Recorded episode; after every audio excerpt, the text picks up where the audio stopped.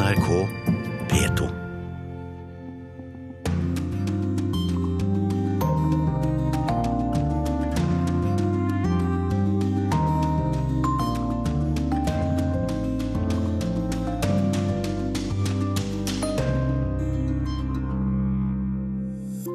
Russisk opposisjonsleder skutt og drept utenfor Kreml. Hvem sto bak? Netanyahu skal tale til den amerikanske kongressen. Obama er rasende og nekter å møte ham. Spionhovedstaden Wien koker igjen når øst står mot vest i Ukraina-konflikten. Og møt jentene som klarte å flykte fra Boko Haram. Dette er Urix på lørdag. Jeg heter Wenche Eriksen. Vi starter med drapet på en av Vladimir Putins sterkeste kritikere.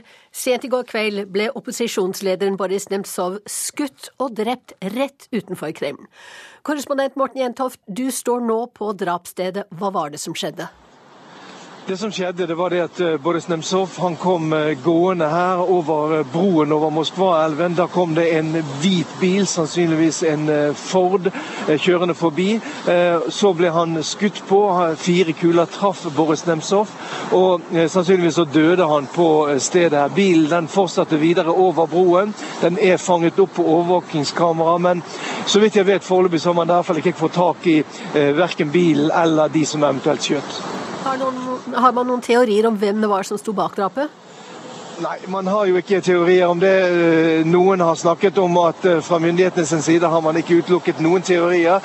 Man tror jo selvfølgelig at dette har sammenheng med Boris Nemtsovs eh, politiske aktivitet. Han var en av de aller mest markante opposisjonspolitikerne her i landet. Han har jo tidligere også sittet ved maktens bord. Han har vært første visestatsminister, han har vært guvernør i Nizjnij Novgorod. Han har vært en kontroversiell politiker og person like før han ble skutt så gjennomførte han et større radiointervju der han eh, sa at han nå har laget en rapport om eh, russiske eh, militæres deltakelse i konflikten øst i Ukraina. Det er klart at Slike ting som dette her, det på, har vært med på å skaffe ham mange fiender og gjøre ham kontroversiell.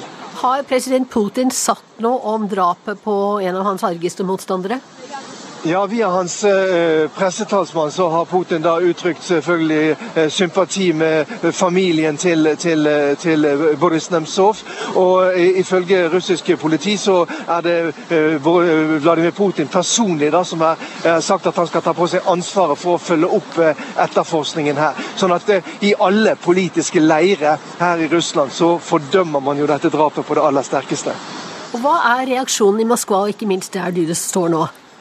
Ja, Folk er jo i sjokk. Jeg har sett mange folk som med tårer i øynene legger ned blomster. der På det stedet der vokser det opp en enorm haug med blomster akkurat på stedet der Boris Nemtsov eh, ble skutt. Og Jeg står også sammen her med en eh, ung kvinne som heter eh, Julia. Og Julia, why did you come here today? because uh, a politician was killed in the center of Moscow, and uh, it's kind of strange to hear this news about uh, a murder in the center of Moscow. It's it's not uh, what we could expect. It was very. It was. It, it's really very strange to hear this news, and uh, it's. Uh, it's kind of frightening for Do us. You think a lot of people are shocked by it? Uh, also, those who were critical to Boris Nemtsov. I suppose, yeah, because uh, nobody knows now who was the killer, and um, so we don't know where the the danger comes from. Altså Julia, som vi sa her, altså, var også sjokkert. Man vet ikke hvor faren kommer fra nå. Hvem kan bli den neste på listen her? Og Hun er nok ganske typisk for mange av, eh, av for reaksjonene blant moskovittene i dag. Eh, Boris Nemtsov var som sagt en kontroversiell politiker, men det at han blir skutt ned på åpen gate på denne måten her, det sjokkerer veldig mange. Eh, akkurat i sted her så kom eh, Anatoly Tsjubajs, eh, en av Russlands også mest kjente politikere, eh, forbi her. Han var jo en av dem som samarbeidet tett med Boris Nemtsov. Han har forblitt innenfor eh, kan du si, maktens sirkel her i Russland. Han sa det at nå må alle politiske krefter, uansett hva man mener, stå sammen og, og, og kjempe mot den utviklingen som landet er inne i. Og da sier vi takk til deg, Morten Jentoft. Så til en sak du garantert kommer til å høre mer om til uken, og som skaper intens debatt i USA og Israel. To uker før valget i Israel har den republikansk-dominerte kongressen invitert statsminister Benjamin Netanyahu til Washington for å holde en tale om Iran. President Barack Obama nekter å møte ham. USA-korrespondent Tove Bjørgaas har levert denne rapporten. The, the, relationship between Israel as a country and the United States as a country has always been bipartisan. President Obamas nasjonale sikkerhetsrådgiver Susan Rice var ikke nådig i et TV-intervju hos Charlie Rose forleden. It's destructive of the fabric of the relationship, and it's something that. It's destructive of the fabric of the relationship. Well, Charlie, take, take my point. It's always been bipartisan. Netanyahus besøk ødelegger selve fundamentet i forholdet mellom våre to land, sa Rice. Israels statsminister kommer hit til Washington til uka fordi Israel-lobbyen APAC avholder sin årlige konferanse. President Obama ønsket ikke å bruke anledningen til å møte statsministeren han har et så dårlig forhold til, og begrunnet det med at det er valg i Israel om to uker. Uh, these are important messages that the Congress needs to hear and the American people need to hear. Men så så kongressleder John Boehner sitt snitt til å gjøre noe som ikke er comme il faut for kongressledere. Å invitere lederen for en annen stat til Kongressen uten å informere Det hvite hus. Boehner forklarer hvorfor til programlederen hos Fox News. Why would you do that, sir? Uh, because I wanted to make sure that uh, there was no interference. There's no secret here in Washington uh, about the animosity uh, that uh, this White House has for Prime Minister Netanyahu. And I, I, frankly didn't want them getting in the way and quashing uh, what I thought was a real opportunity. Det store temaet det er ventet at Netanyahu vil snakke om, er Iran. I Det hvite hus mener man Israels statsminister vil forsøke å stikke kjepper i hjulene for en avtale om landets atomprogram. Netanyahu selv sier det slik. It's my sacred duty as Prime Minister of Israel to make Israel's case.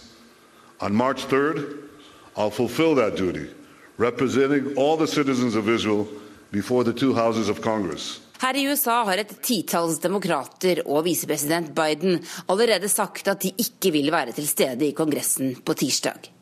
De mener republikanerne forsøker å undergrave presidentens ansvar for USAs utenrikspolitikk.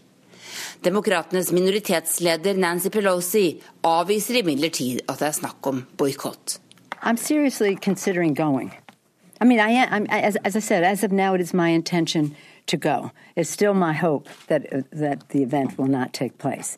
Uh, there's a serious unease, but don't even think in terms of the word boycott.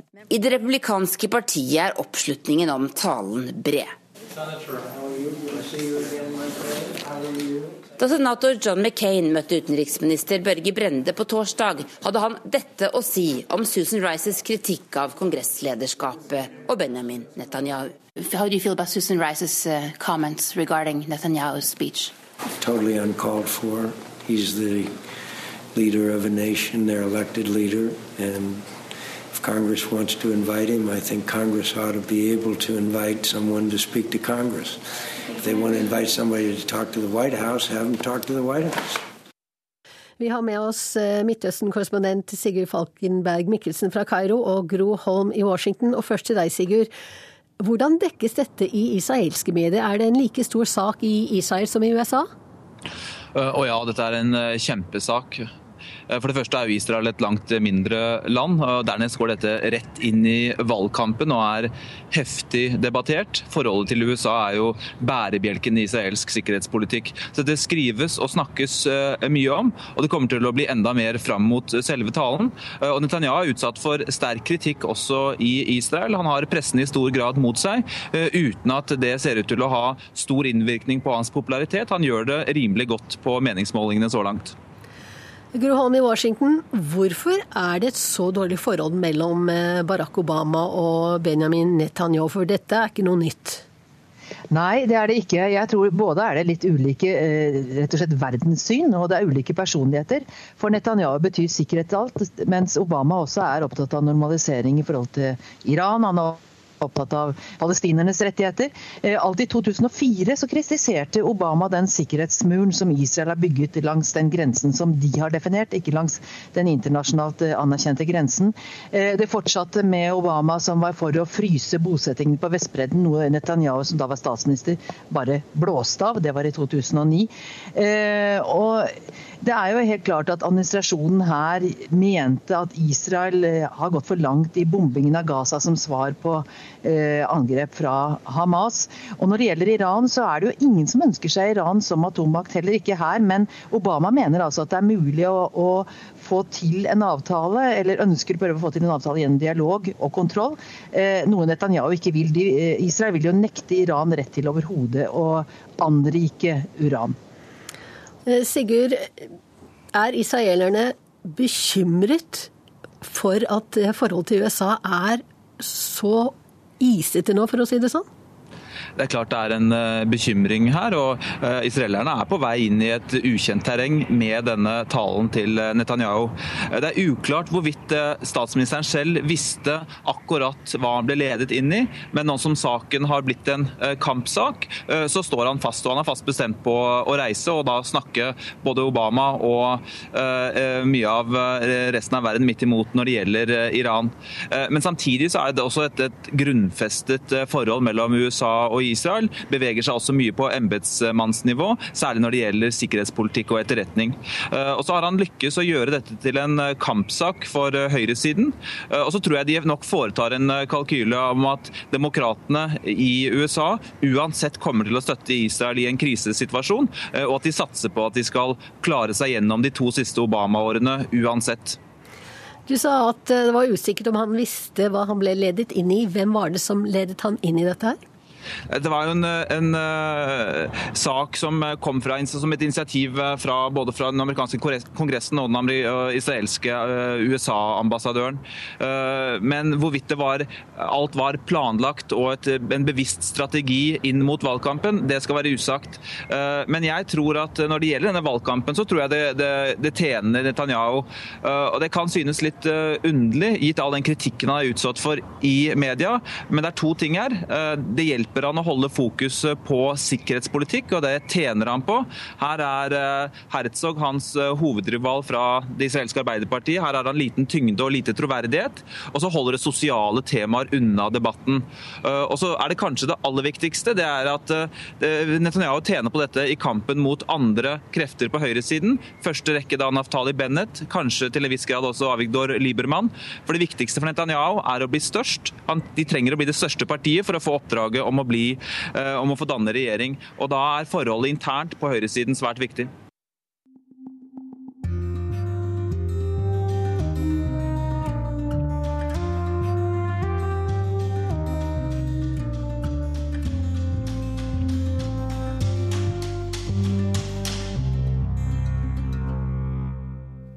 Med Ukraina-konflikten og forhandlingene om Irans atomprogram er kald krigslignende tilstander tilbake i Europa.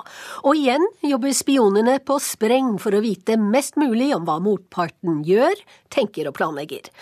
Roy Freddy Andersen har sendt oss denne etterretningsrapporten fra verdens spionhovedstad nummer én, Wien. 20. august 1983. Nussdorferstrasse. Det er ettermiddag, og nok et etterretningsdrama er under oppseiling i verdens ubestridte spionhovedstad Wien. Opp gaten hvor jeg nå står, litt i utkanten av byens sentrum, kommer den norske byråsjefen i UD, Arne Treholt, gående. I all hemmelighet har han reist hit fra Oslo. Snart kommer en mann, og like etter en annen, bort til ham. Over gaten, bak i en glovarm varebil, sitter to spanere fra politiets overvåkningstjeneste og tar det som skal bli et av norgeshistoriens mest kjente og avslørende fotografier. Svart-hvitt-bildene viser Treholt i samtaler med Aleksandr Lopatin og en gestikulerende Genadij Titov, begge fra den sovjetrussiske etterretningstjenesten KGB. I dag er KGB-møtestedet her på gatehjørnet borte, men i Wien blomstrer spionvirksomheten som aldri før, helt lovlig. Det er kald krig igjen. Trolig jobber tusenvis av mennesker med etterretning i diplomatbyen. Spying is quite a normal business um, between the diplomatic community and between the representatives of the service here. and um, spies are using are used uh, to have uh, chosen Vienna as a meeting place because uh, of the law here. Uh, this is basically a free lunch. Wien med sin beliggenhet ved grensen mellom øst og vest, nord og sør, byens gode liv og med alle sine tunge internasjonale organisasjoner, har alltid vært som en honningkrukke for etterretningsagenter, forteller Gert René Polly, Østerrikes tidligere etterretningssjef til NRK. I 30 år var han i bransjen, før han ga seg for fem år siden. I dag driver han eget firma som hjelper selskaper og organisasjoner med datasikkerhet og med å stoppe industrispionasje. Men fortsatt spiller utpressing, sex og penger en viktig rolle, forteller eks-etterretningssjef Polly. Uh, these are exactly the methods uh, which are used, but um, there are hundred varieties. Um, spionage operation is uh, the most uh, thrilling thing, but also the most dirty thing to run. I Wien bytter skitne penger hender. Her har sabotasjeaksjoner og drap blitt planlagt, og arresterte agenter blitt utvekslet mellom stormaktene. Mystikken har ligget som et slør over byen, akkurat som skildret i bøker og i filmer. Polly har opplevd spenning, men også den svært dystre siden av tjenesten. En dag ble en etterretningsvenn funnet død i hotellsengen. Oh, well, it was a fascinating time. There are hundred. Uh, for example, I had uh, I spent an evening with a very dear friend of uh, mine. He was uh, the head of the service in Jordan, and we had really fun. And uh, he was staying in one of these uh, very prominent hotels in Vienna. for no reason, we were very surprised finding out next day the guy was dead in his bed. At the same time, in the same hotel, there was a big conference from um, a, near Middle East uh, country in addition. Det summer av stemmer i gangene i FN-bygget hvor det internasjonale atomenergibyrået IAEA ligger. Norges nye ambassadør til Østerrike, Bente Angel Hansen, er nettopp ferdig med en av dagens flere møter her. Mye av spionasjen retter seg mot IAEA og OSSE, som også har hovedkvarter i Wien. Angel Hansen har sett mange spionfilmer og lar seg fascinere av mytene. Men hun vet også at virkeligheten er brutal. Den norske ambassadøren jobbet sammen med Arne Treholt på 1980-tallet. Den tidligere utenriksråden innser at hun her i dette bygget ofte har samtaler med personer som jobber for eller rapporterer til etterretningsorganisasjoner. Det er helt sikkert. Antallet diplomater i denne byen, og det sier noe om Wien som internasjonal by, er over 17 000 og at eh, jeg sikkert i det daglige eh, samarbeider med personer som har den eh, bakgrunnen, det ser jeg på som helt uproblematisk. Jeg trenger ikke å vite hvor alle kommer fra. Angel Hansen sier at utenrikstjenesten følger opp én gruppe spesielt. For utspekulerte agenter forsøker å innynde seg hos andre diplomater ved å være hjelpsomme, vennlige og sjarmerende. Den første kontakten virker ofte tilfeldig og uskyldig, og er derfor vanskelig å legge merke til for den som blir utsatt. Jeg vil ikke gå noe i detaljer på det, men når det gjelder personkontakt, da, så vil jeg si at de, de unge er sårbare fordi de er nye. De siste årene har hullene og farene for lekkasje blitt flere, og de blir utnyttet. PST gikk i sin nylige trusselvurdering ut og pekte på Russland og Kina som de to verstingene i klassen. Den norske ambassadøren sier at å bruke ukrypterte mobiltelefoner og datamaskiner nå er som å rope ut av vinduet.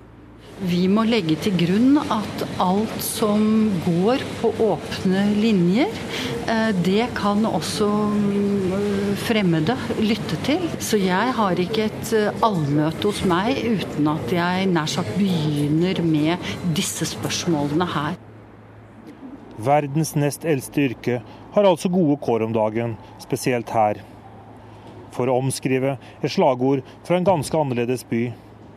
What happens in Vienna does not stay in Vienna. Ja, nettopp. Og også i Storbritannia har de bokstavelig talt eh, tørket støv av gamle kald krig-spionhistorier. Et intervju med en av etterkrigstidens mest myteomspunne avhoppere, Guy Burgess, er kommet til rette.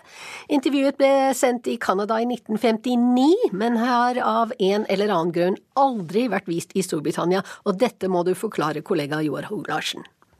Ja, Dette har seg jo slik at vårt kanadiske eh, søsterselskap, får vi kanskje kalle det, CBC, de driver for tiden med akkurat det samme som vi gjør her på NRK, med å digitalisere arkivene, det vil altså si lyd og bilder fra fortiden. Man tar fysiske bånd og gamle filmer, de blir lagt på servere og datakatalogisert, slik at de lettere kan gjenfinnes.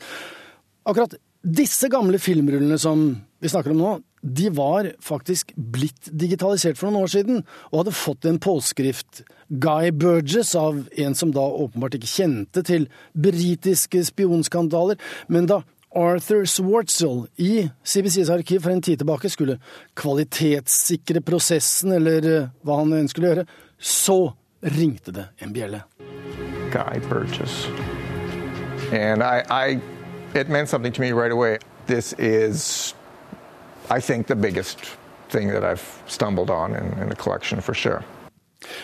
Guy Burgess han var en av The Cambridge Five, en gruppe privilegerte overklassegutter som ble radikalisert da de studerte sammen ved Cambridge-universitetet i 30-årene. De reagerte på de sosiale forskjellene i, i hjemlandet i de harde 30-årene, og det hele begynte endte vel egentlig faktisk med, som vi da nettopp har hørt, en, en tur til Wien. Den velbeslåtte Kim Philby han fikk 50 pund av faren sin. Han kjøpte en motorsykkel, tok toget til Wien og opplevde der, altså da i 1934, nazismens gryende grusomheter. Han ble kjent med aktive antifascister som da bekjempet Hitler og hans medløpere. Etter hvert som krigen nærmet seg, så økte forakten for eget lands eh, handlingslammede regjering, parallelt da med behovet for å gjøre noe for også der i Storbritannia å stanse Hitler.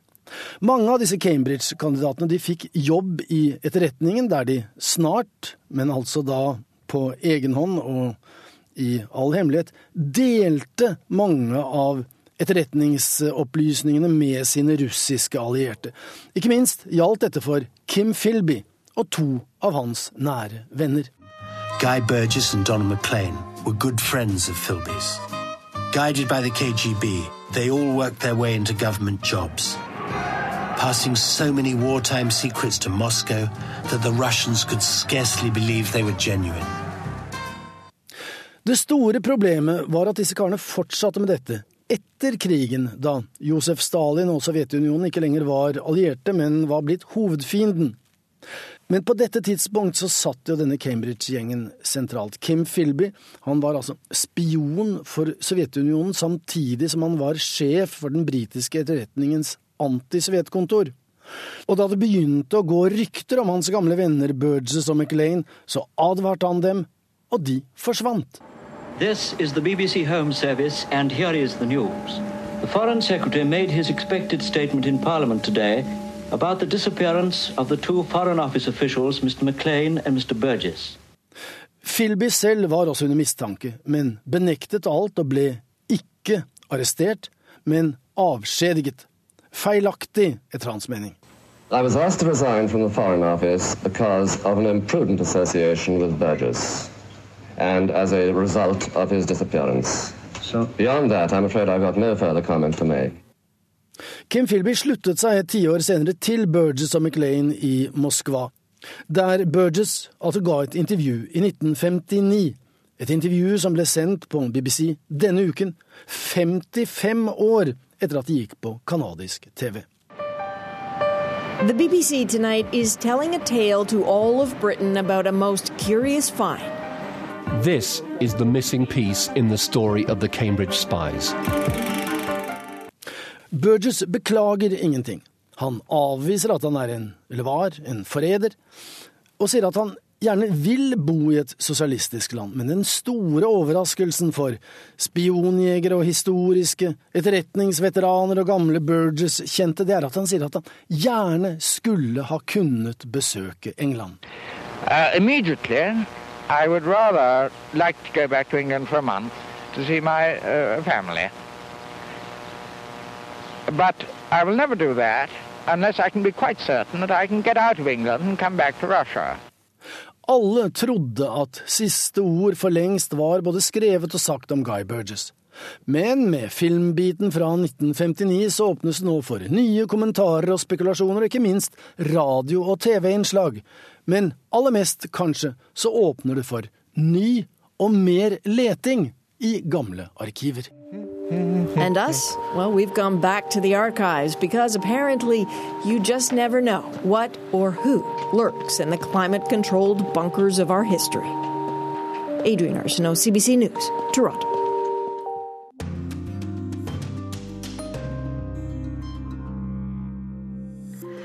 Dette er Urix på lørdag i NRK P2. Bli med oss videre og møt to jenter som klarte å flykte fra Boko Haram. Hør hvordan den engelske revejakten lever i beste velgående til tross for forbud, og få med deg et sukkersøtt korrespondentbrev. Tenk deg at du som forelder er så desperat at du sender barnet ditt fra deg i håp om at han eller hun skal få et nytt liv i Europa. Tenk å være et barn som redd og alene blir ført over det farefulle Middelhavet av kyniske menneskesmuglere. I løpet av dette årets to første måneder har nesten 500 enslige mindreårige kommet til Italia. Charlotte Bergløff har mer om disse barna.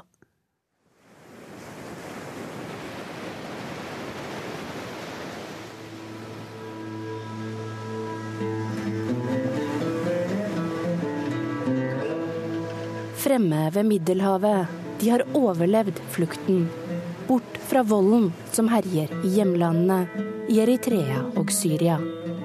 Endelig ser de den glitrende sjøen, det siste hinderet på veien til Europa.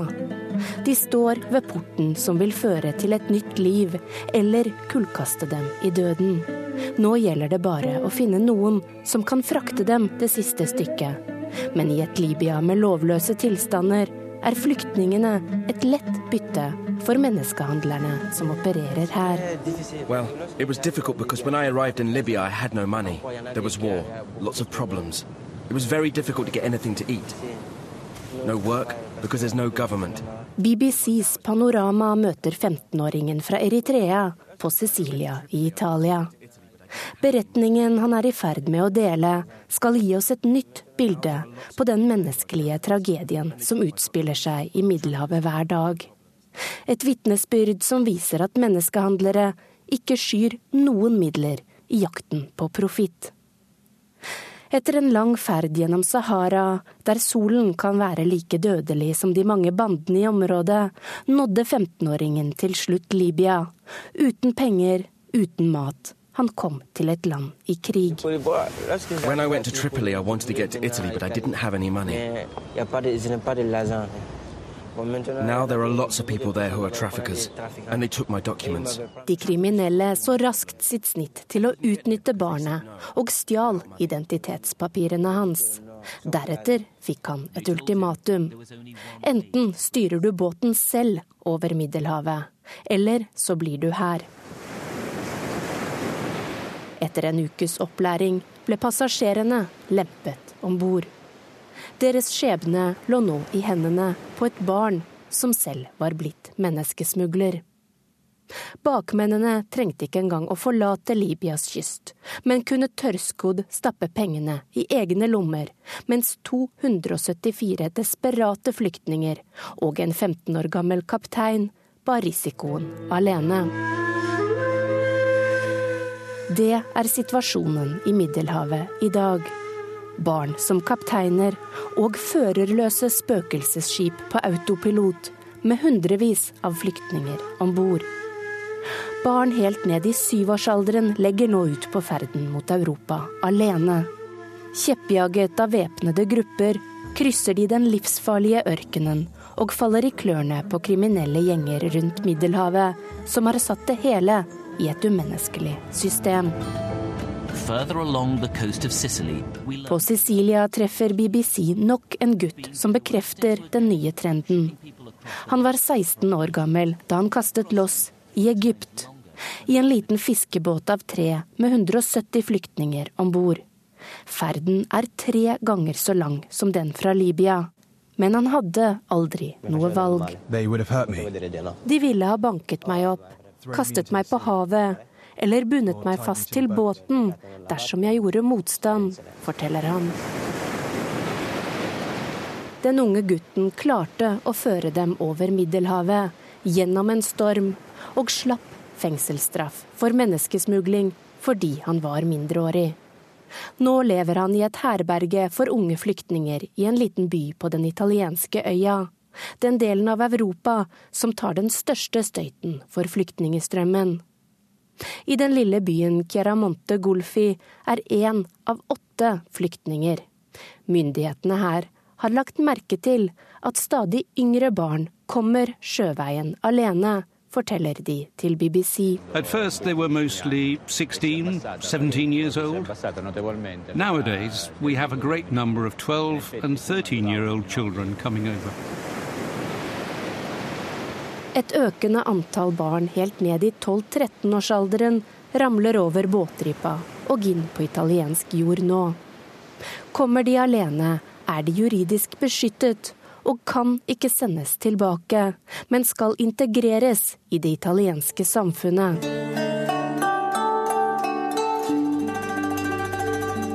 Det er noe de desperate familiene på den andre siden av Middelhavet er blitt klar over. Resultatet er at stadig yngre barn legger ut på den svært risikable ferden alene, tross egen og familiens frykt, i håp om at de overhodet skal få en fremtid.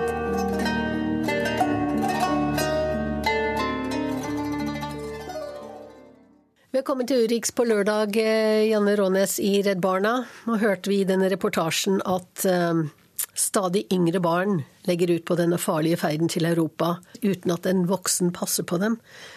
Hvor farlig er det for disse barna? Hva kan de havne opp i? Det er livsfarlig. Eh, vi vet jo at eh, mange av de ungene dør i Middelhavet. De som eh, klarer seg, kommer seg over, forteller òg Redd Barna at er utsatt for veldig krenkende, stygge ting av voksne. Det er ikke uvanlig at de såkalte bakmenn traffickers, som vi kaller dem, eh, nettopp plukkes ut. De yngste barna plukkes ut jenter, bruker dem eh, som nesten slaver. Utnytter dem i vår lovegrep. Og rett og slett eh, plukke ut de svakeste blant flyktningene, som jo da er barn. Det å være flyktning er jo i seg sjøl en kritisk situasjon. Det å være barn er farlig. Og det å være barn alene uten at du har voksne som bryr seg om det og kjenner det og passer på det, det vil jeg si er livsfarlig. Hva slags historier forteller disse barna som eh, kommer fram til Italia? De har sett grusomme ting underveis, så flukten i seg sjøl er farlig. En gutt på 16 år fortalte f.eks. For hvordan bakmennene på den båten han var, systematisk kasta dem som var svake og syke over bord, og lot dem drukne. Og sånne ting, det skal altså ikke et barn måtte nødt til å oppleve og se. Hva sier det om situasjonen i familiene deres at foreldre sender barna av gårde sånn? Vi kan jo tenke oss sjøl eh, hvordan det hadde vært å måtte ha valgt å sende fra seg et barn til noe du ikke vet hva er. Eh, det her er foreldre som opplever at de ikke har noe annet valg. Eh, det syns det sier alt om hvor desperate de er. Det sier veldig mye om hva krig påfører familier. Eh, og jeg syns det er kjempeviktig å minne oss sjøl på at eh, det her gjør foreldre fordi de ikke ser noen annen utvei. De håper at kanskje ett av sine barn skal få det litt bedre ved et liv i Europa. Samtidig er det litt viktig å vite at mange bakmenn jo informerer og spekulerer i den desperate situasjonen. De forteller foreldre at de skal ta vare på barna deres, de skal ta dem til Europa. Disse barna skal få utdanning, de skal få det trygt og godt. Og det er jo ikke det som møter dem i Europa. Eh, kyniske bakmenn tjener, altså bli steinrik på at barn blir sendt ut av familiene sine. Eh, de utnytter krig og konflikt og bruker barn som brikker for å berike seg. Og Det er egentlig det som utspinner seg både i Middelhavet og for så vidt som vi ser i vårt eget land òg. For mange av de ungene som har kommet til Norge som enslige mindreårige asylsøkere, de forteller lignende historier. Hva mener Redd Barna er måten å løse dette på? Altså Akutt så må vi hjelpe Italia med å redde de ungene som står i fare for å drukne i Middelhavet. Det er det første. I november i fjor så kutta man jo ut den store redningsaksjonen på Middelhavet. Og etter det så drukner enda flere mennesker. Og når vi vet at det er mange barn i de båtene, så er vi livredde for at det er rett og slett fryktelig mange barn som dør. Eh, det Norge må gjøre, er å få ny kraft i den redningsaksjonen. Det, sånn som det er i dag, så er det ikke nok ressurser der. Så vi ber norske myndigheter både å stille med penger og personell, og gjerne båter, for å få fart igjen på redningsarbeidet. Og redningsarbeidet må gå utover hele havet. Sånn som det er i dag, så er det bare nærgrensa til Italia man eh, følger opp. Det er det som er akutt. Deretter så må Norge i større grad ta ansvar for flere av asylsøkerne som er på drift i Europa. Og vi må definitivt slutte med å returnere asylsøkere i det hele tatt, og særlig barn, tilbake til Italia. Takk til Janne Rånes i Redd Barna. Også i Nigeria lever barn i fare. Vi har jo alle hørt om skolejentene i Chibok som ble bortført av Boko Haram i fjor, men terrorgruppen har også kidnappet hundrevis av andre jenter. En av dem er 16 år gamle Ladi. Den danske journalisten Stine Kroman Dragster har møtt Ladi og andre jenter som satset alt for å komme seg unna. I en overfyldt flygtningelejr i Nordøst-Nigeria forsøger Genesis og hans kollegaer at få et håpløst puslespil til å gå opp. Et, et matras. Except we were given space, one person per space. De skal finne madrasser og le til de nye internt fordrevne, som igjen har dukket opp i flyktningleiren St. Teresa-katedralen i byen Yola. En by som har mottatt opptil 400 000 det siste halvåret. Alle på flukt fra den islamistiske terrorgruppen Boko Haram. Those that uh, don't have space up, they can sleep under the veranda here. En av de nyankomne i leiren er 16 år gamle Ladi. Med en stille stemme forteller hun om den dagen Boko Haram angrep hennes landsby og tok henne til fange. Vi kunne høre skytingen komme nærmere, og jeg tryglet min bestemor om å flytte med meg, forteller Ladi. Men den gamle kvinnen nekter. Hun er for gammel, sier hun, og vil heller stå ansikt til ansikt med Boko Haram så Ladi løper alene opp i høyden utenfor byen. Men da er det for sent, og hun blir raskt omringet av Boko Haram-krigere. Hun blir bundet og fraktet på motorsykkel til en leir dypt inne i den enorme Sambisa-skogen. Og så skjer det det Ladi den dag i dag skammer seg dypt over.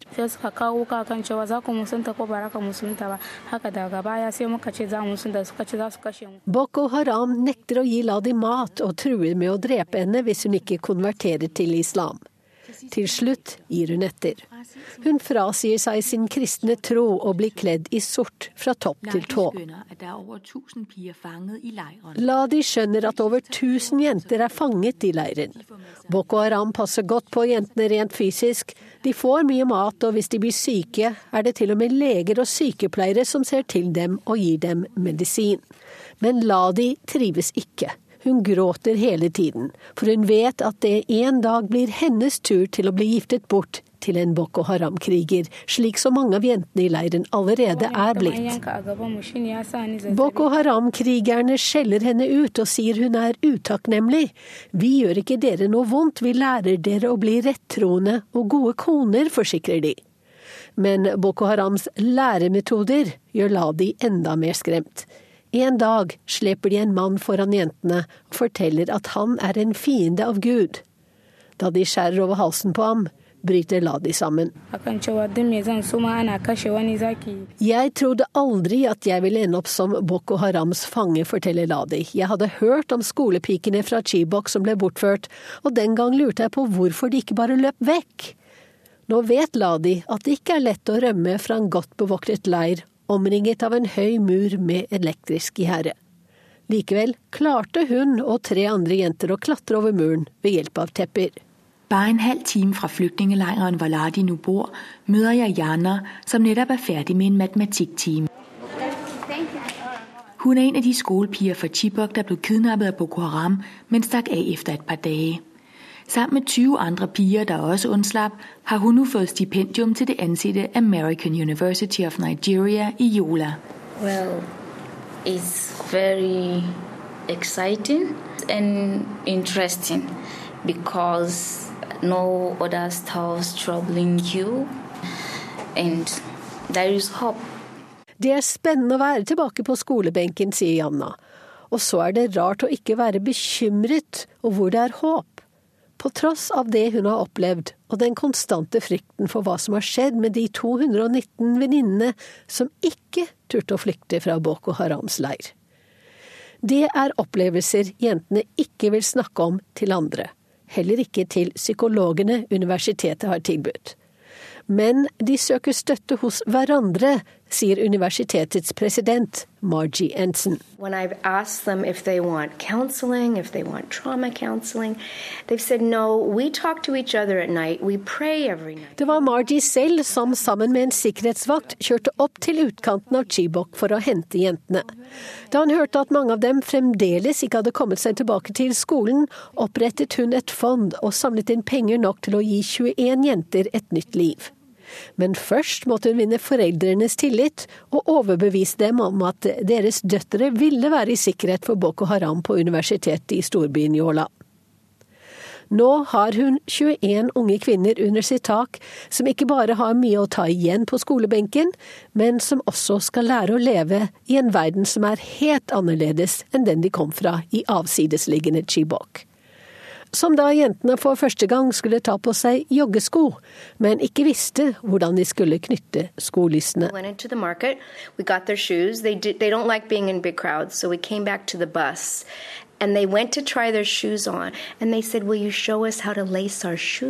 Men eh, mestring av skolisser er bare et lite skritt, og en jente som Janna er ikke redd for å ta langt større steg ut i verden. Hun håper at hun med flittige studier kan bli flink nok til å studere til lege i utlandet.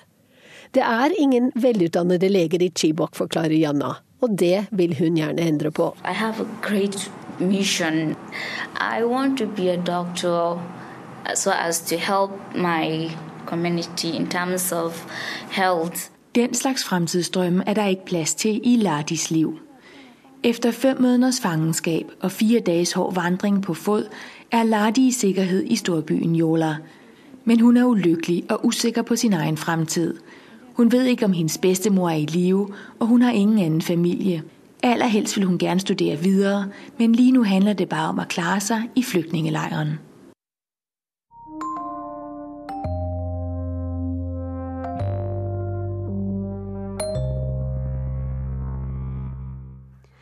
Det er ti år siden det ble forbudt å jakte rev med hunder i England og Wales.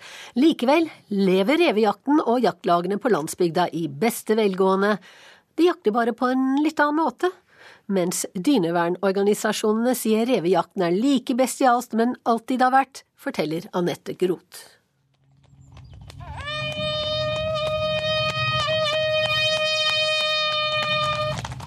I hjertet av Oxfordshire blåses jakten i gang.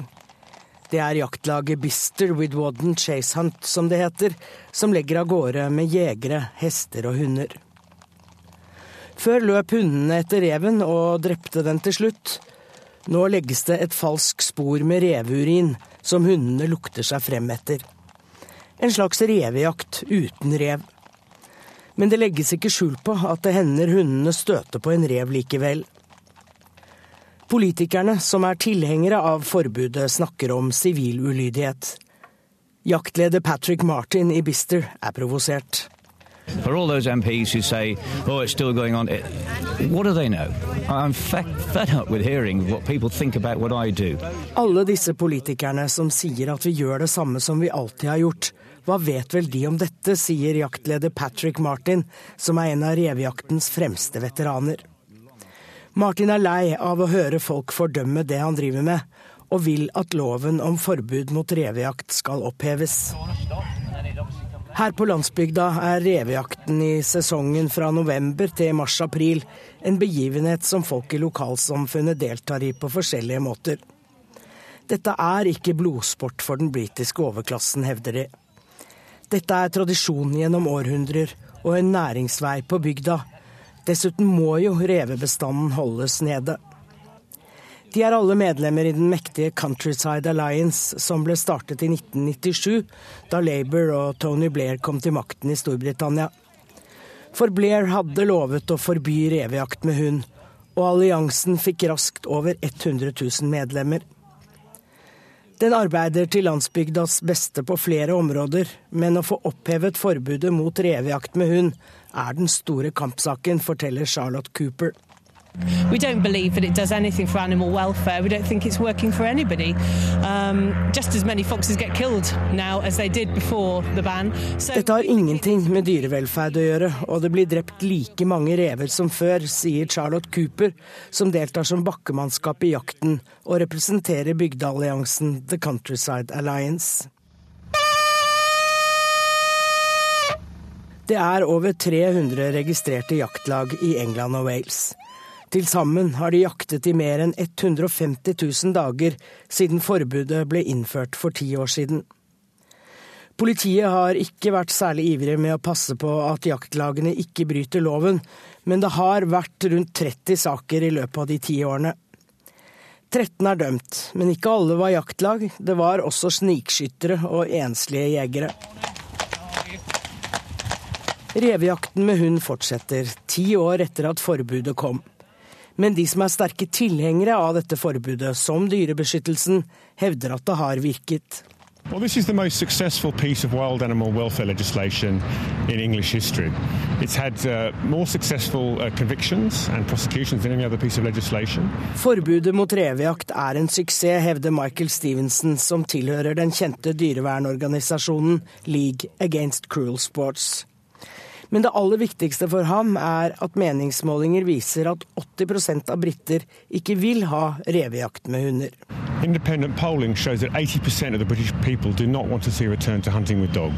Forbudet mot revejakt kan bli et tema før neste parlamentsvalg, som er allerede 7. mai. Statsministeren David Cameron han er for å oppheve forbudet. Slik meningsmålingene ser ut, er det likevel ikke trolig at en oppheving av loven går gjennom i Underhuset. Det ser ut til å bety lite for dem som ufortrødent fortsetter revejakt med hund. Jaktleder Patrick Martin, han bare fnyser av politikerne. But at the end of the day, packs of hounds will be crossing the British countryside long after they've gone. Long after they've gone. Du vil se jakthundene løpe på den engelske landsbygda lenge etter at politikerne er borte, sier jaktleder Patrick Martin. Ja, slik lever de der. I den amerikanske delstaten Virginia pågår det en politisk dragkamp om det fortsatt skal være lov å selge glaserte donuts uten sammalt mel på skolene. Korrespondentbrevet fra Gro Holm i Washington handler denne uka om mat, og aller mest om sukker. Etter lang og grundig saksbehandling er nå begge kamrene i Virginias delstatsforsamling enige. Det må simpelthen gis dispensasjon fra nasjonalt lovverk, slik at skolebarna kan få spise donuts uten sammalt mel og med honningglasur i skoletiden. De søte, runde smultbollene med hull i midten er nesten like amerikanske som flagget.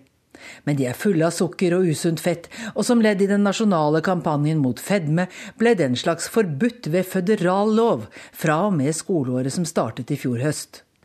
Presidentens ektefelle Michelle Obama har personlig stilt seg bak kampanjen, dyrker grønnsaker i hagen utenfor Det hvite hus og forsøker i det hele tatt å være et godt eksempel. Men i Virginia mener de folkevalgte altså at dette er hakket for mye statlig overformynderi.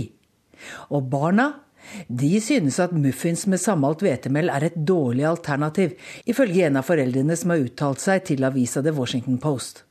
Salget er halvert etter at de såkalte smarte snacksene ble innført, forteller Ann Jacobsen.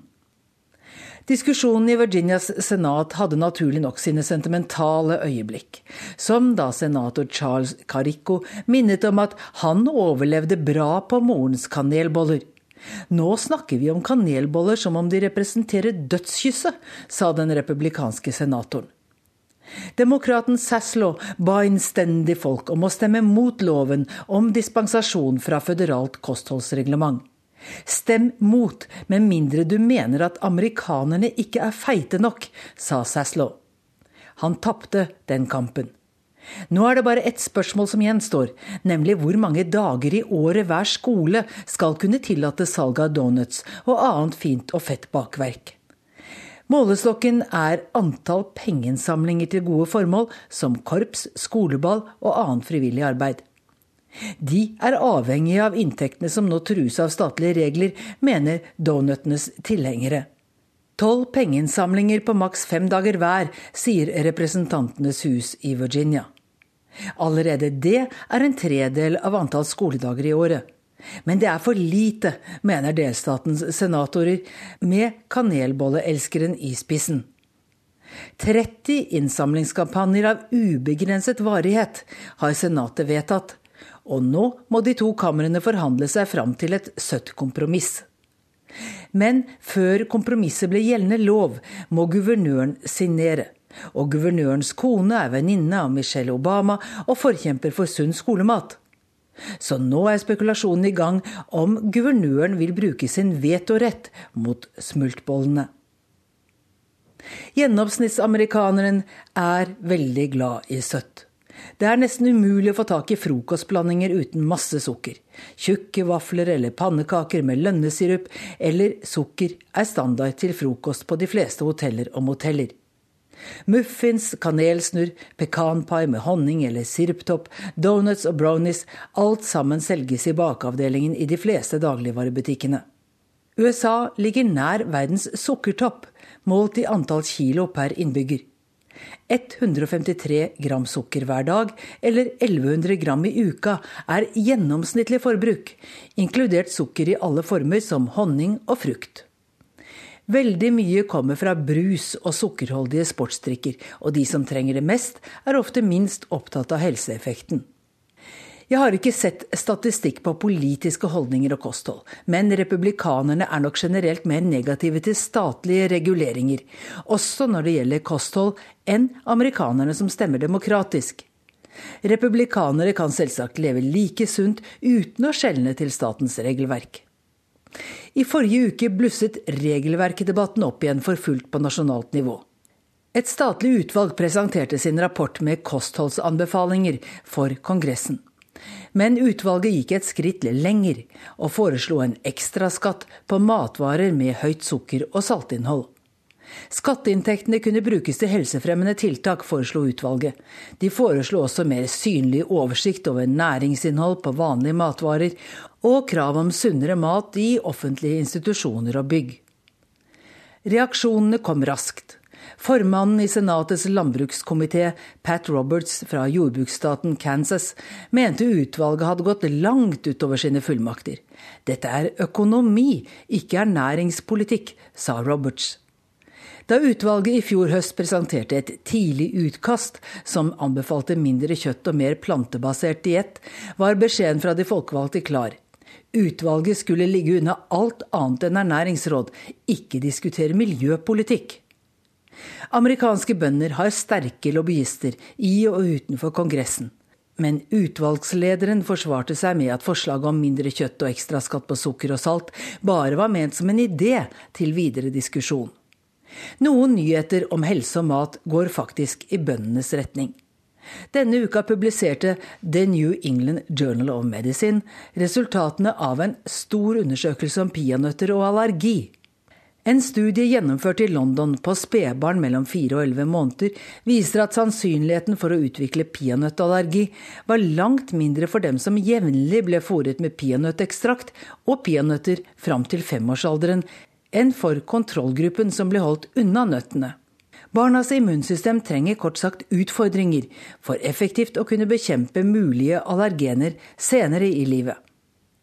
Så amerikanske peanøttbønder kan glede seg. Kanskje kommer peanøttekstrakt for spedbarn snart i butikkhyllene. Skjønt peanøtter gir mye næring, men inneholder ikke mange stoffer som kroppen virkelig trenger. Og er det én ting amerikanerne ikke trenger, så er det produkter som er rike på tomme kalorier. Sju av ti amerikanere er overvektige, og 35% lider av alvorlig fedme med en kroppsmasseindeks på over 30. Ifølge landets helsemyndigheter er bortimot hvert femte barn mellom 6 og 19 år overvektig. Jeg var i utgangspunktet temmelig sikker på at de rike er mindre overvektige enn de fattige. Men det er ikke entydig her i USA. For i de folkegruppene med flest overvektige, nemlig svarte og hispanics, er problemet størst blant dem med relativt høy inntekt. Det vil si, det gjelder mennene. For jo mer kvinnene tjener, jo slankere er de. Sånn i snitt. For ikke lenge siden var jeg på Cuba, verdens største sukkereksportør før revolusjonen i 1959. Sin azúcar no hay país. Uten sukker, ikke noe land, sa man den gangen. USA var den største mottakeren før blokaden, men så tok Sovjetunionen over Cubas sukker. Sukker mot billig olje og landbruksmaskiner var avtalen. Helt til Sovjetunionen gikk i oppløsning i 1991 og Cubas økonomi raste sammen som et korthus. Det meste gikk galt, men ikke befolkningens vekt. For i løpet av fem år gikk gjennomsnittsvekten ned med fem kilo. Det var knapphet på mat, og folk måtte gå eller sykle i stedet for å kjøre bil. Myndighetene subsidierte én million sykler, og kroppsarbeid erstattet maskiner på jordene. Helseeffekten var dramatisk. Plutselig var det langt færre dødsfall som følge av hjerteinfarkt, slag og diabetes. Men det varte ikke evig. Rundt 2005 hadde cubanerne spist seg opp igjen. Og nå har det like stor andel alvorlig overvektige som Norge. De spiser sine flarn eller karamellpudding med stor glede, og den kruttsterke cubanske kaffen er alltid søt. For ikke å snakke om rom, cubanernes parallell til konjakk eller akevitt. Rom kommer fra sukkerrør, der er verken druer eller poteter. Men unge cubanere vil gjerne ha Coca-Cola. En av Fidel Castros sønner, Alex Castro Soto, sa i januar at både McDonald's og Coca-Cola er velkommen tilbake til Cuba. Vi tar en pause i sosialismen, men vi forlater den ikke, la Castros sønn forklarende til. Og denne uka opplyste anonyme kilder ved Coca-Cola her i USA at merkevaren snart vil finnes i butikkhyllene på Cuba. Men det blir nok med sukker produsert av amerikanske bønder. Ja, det var Urix på lørdag. Teknisk ansvarlig har vært Lisbeth Sellereite, skript Oda Holm Gulbrandsen, og her i studio satt Wenche Eriksen.